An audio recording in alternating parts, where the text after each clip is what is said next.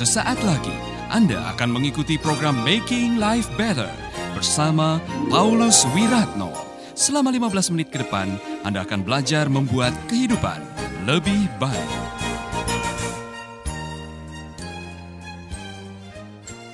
Maka salah satu yang harus kita manage dalam hidup kita adalah belajar memanage keinginan. Dari mana datangnya perselisihan? Keinginan. Kamu menginginkan sesuatu, kamu tidak mendapatkan, kemudian kamu iri. Pada waktu kamu iri, kemudian muncullah gosip. Karena sahabatnya iri itu gosip.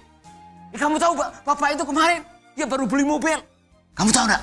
Dia korupsi itu, itu uang panas. Dari mana saudara tahu saudara? Anda suka menggosipkan orang biasanya karena Anda tidak suka orang punya kelebihan yang lebih daripada saudara. Bertobat. Ada dua dosa bawaan yang sulit untuk diselesaikan sampai Anda mau masuk kuburan.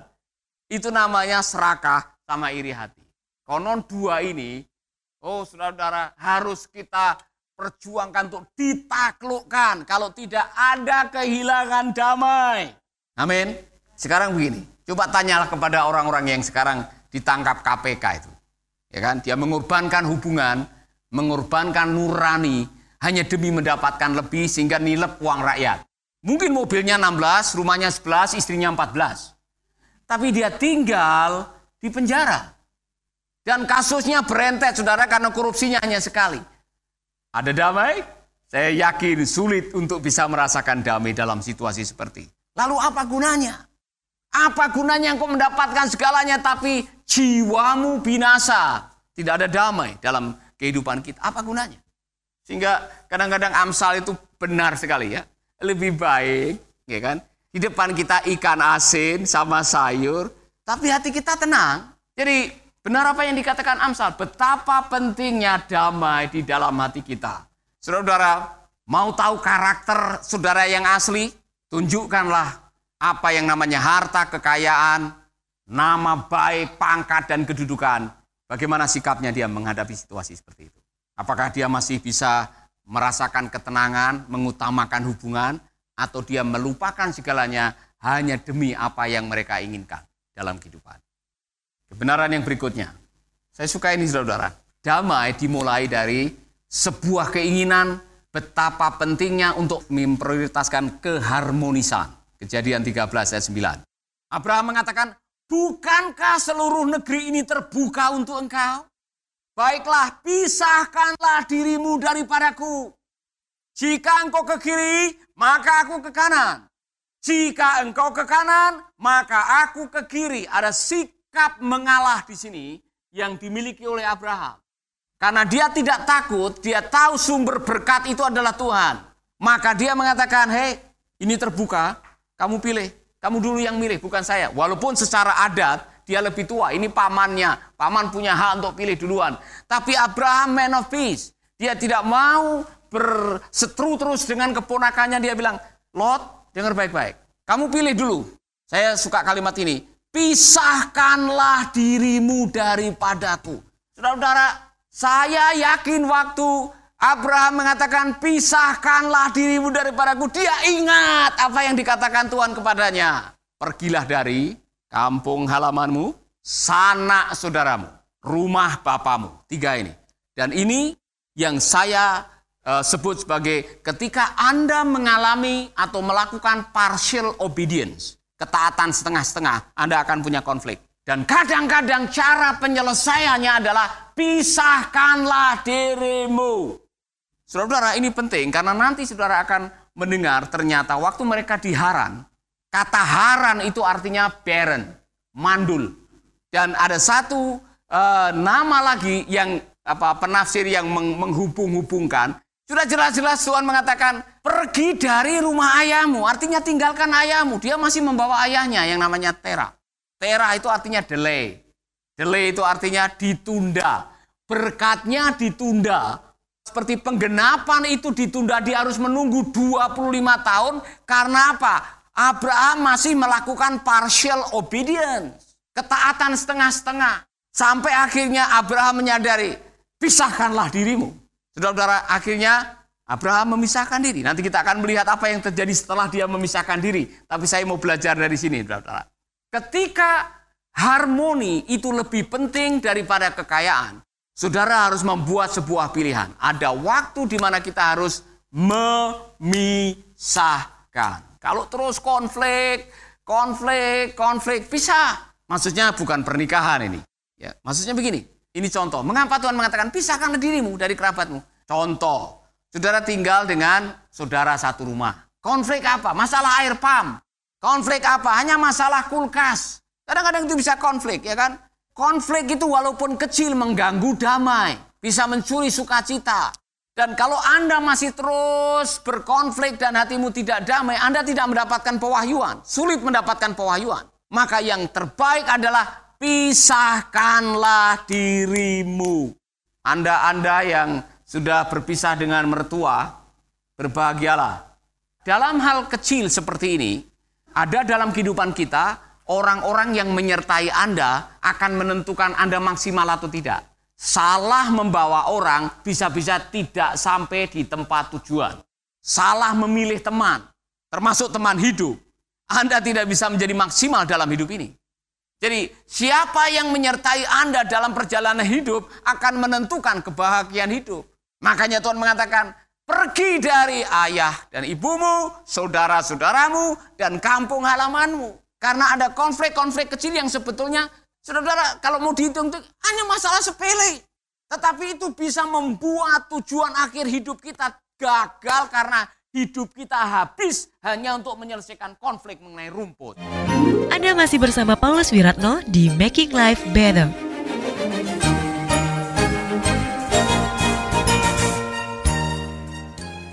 pisahkanlah dirimu.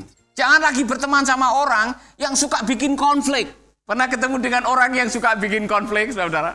Kalau ketemu dengan dia, pasti ada konflik. Kalau ada dia, pasti ada masalah. Kalau dia datang, pasti bertengkar. Kalau ada orang itu, pasti ada masalah. Ya kan? Kalau Mbah Ngaminah datang, wah udah. Nanti akan ada patu. Karena dia suka tumbak cucuan, tahu? Dia ngomongin ini dengan ini, dia ngomongin ini dengan ini di sungai itu bisa tampar-tamparan. Saudara-saudara, jangan bergaul dengan orang-orang yang suka konflik dan jangan mengajak orang-orang yang suka konflik. Pisahkanlah dirimu.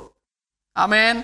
Dan saya yakin saudara di Alkitab juga ada Rasul Paulus dengan siapa Barabas atau Rasul Paulus pernah ada konflik dan mereka harus berpisah. Jalan tengahnya harus berpisah. Ada waktu-waktu tertentu di mana kita, oh sorry, this time is up. Sudah selesai waktunya. Mari kita memilih jalan kita. Daripada konflik, terus konflik terus. Amin. Nah ini tidak berlaku untuk pernikahan. Jangan sampai dibawa-bawa ke pernikahan. Berani mengalah demi harmoni. Saya pikir itu poinnya. Saudara-saudara, dalam hidup ini, saya suka sikapnya Abraham. Begini, saya tidak mengotot, walaupun saya punya hak. Orang yang punya hak dan tidak menggunakan haknya demi keharmonisan, saya akui dia orang hebat. Demi keharmonisan tidak ada kalah menang, saudara. Makanya dalam pertengkaran yang sudah menikah, dalam pertengkaran suami istri, tidak ada kalah menang.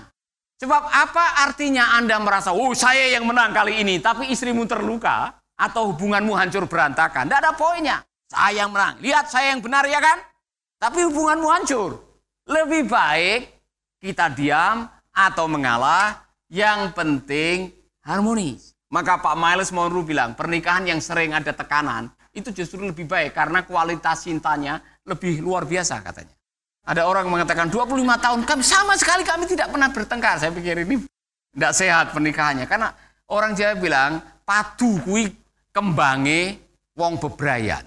Ya, terjemahnya adalah pertengkaran itu bunganya pernikahan. Maka pernikahan yang tanpa pertengkaran itu dipertanyakan. Jelas ya? Ada yang pernah mengatakan, Pak, selama hidup saya, saya tidak pernah bertengkar. Saya tidak meyakini apa yang saudara ucapkan. Ya kan? Pisahkanlah dirimu daripadaku jika engkau ke kiri maka aku ke kanan. Jika engkau ke kanan maka aku ke kiri. Sikap ini, sikap mengalah adalah sikap orang beriman karena apa? Dia yakin kalau saya mengalah Tuhan nanti akan menyelesaikan. Mengalah tidak berarti kalah. Amin. Jadi sebetulnya saudara-saudara, Abraham sudah mengambil satu langkah yang luar biasa bahwa salah satu cara untuk menyelesaikan konflik adalah jangan menonjolkan ego. Kalau Abraham mau menonjolkan ego sebagai paman, saya tertua, saya punya hak, saya yang harus pilih duluan. Ini rumah siapa? Yang punya gaji siapa? Saya yang punya hak untuk memilih duluan. Kalau saudara hanya selalu menonjolkan hak, ya kan? Saudara lupa kewajiban, saudara tidak akan pernah menikmati kehidupan. Mengalah demi keharmonisan itu adalah satu tindakan yang mendatangkan berkah. Yang penting damai. Amin. Saudara pernah ketemu dengan orang yang setelah menang dia baterek-baterek? Saya yang menang, eh saya menang. Apa untungnya? Mengalah demi keharmonisan adalah sebuah tindakan bijak yang saya pikir seperti apa yang diucapkan oleh orang itu tadi. Little people are intolerant, selfish and impassioned. Wise people are calm, loving and understanding. Orang yang picik adalah orang yang tidak toleran, orang yang selalu mementingkan diri sendiri dan tidak sabar. Tapi orang bijak adalah orang yang damai, mencintai, dan penuh dengan pengertian. Amin. Terakhir, penting sekali saudara. Apa yang terjadi setelah dia memisahkan diri dengan Lot? Saya yakin keputusan Abraham ada kaitannya dengan amanah eh, yang Tuhan berikan kepadanya. Jadian pasal 13 ayat 14 sampai 15. Setelah Lot berpisah daripada Abraham, Berfirmanlah Tuhan.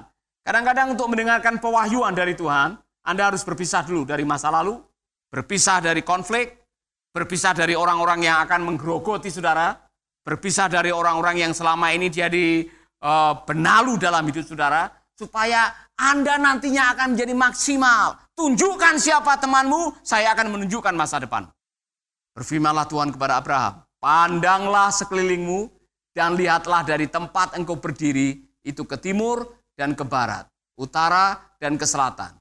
Sebab seluruh negeri yang kau lihat itu akan kuberikan kepadamu dan kepada keturunanmu untuk selama-lamanya. Janji Tuhan ini, pewahyuan ini tidak bisa dipisahkan setelah Lot berpisah dari Abraham. Apa yang terjadi Ketika Abraham tidak mau berpisah dengan Lot, apa yang terjadi? Konflik terus akan berjalan. Dan kalau konflik terus diizinkan berjalan, rencana Tuhan yang besar bisa-bisa batal. Dalam hidup ini, Allah sudah punya rencana buat hidup saudara. Kalau Anda tidak pintar-pintar memisahkan diri dengan sumber konflik dalam hidup saudara, bisa-bisa Anda tidak bisa maksimal. Amin. Haleluya. Sahabat, Anda baru saja mendengarkan Making Life Better bersama Paulus Wiratno. Jika Anda diberkati, kirimkan kesaksian Anda ke Radio Dian Mandiri, Jalan Intan LC2, Gang 4, Nomor 1, Denpasar, Bali. Kunjungi website kami di pauluswiratno.com, Facebook Paulus Wiratno. Hubungi kami di 0811 3901 144 dan 0811 3901 140. Sekali lagi 0811 3901 144 dan 0811 3901 140. Anda juga bisa mendengarkan program Making Life Better ini melalui handphone Anda. Download aplikasinya di Play Store atau App Store. Sahabat, Mari dukung program Making Life Better ini melalui rekening BCA 6690300525. Sekali lagi, rekening BCA 6690300525 atas nama Wiratno. Terima kasih, Tuhan Yesus memberkati.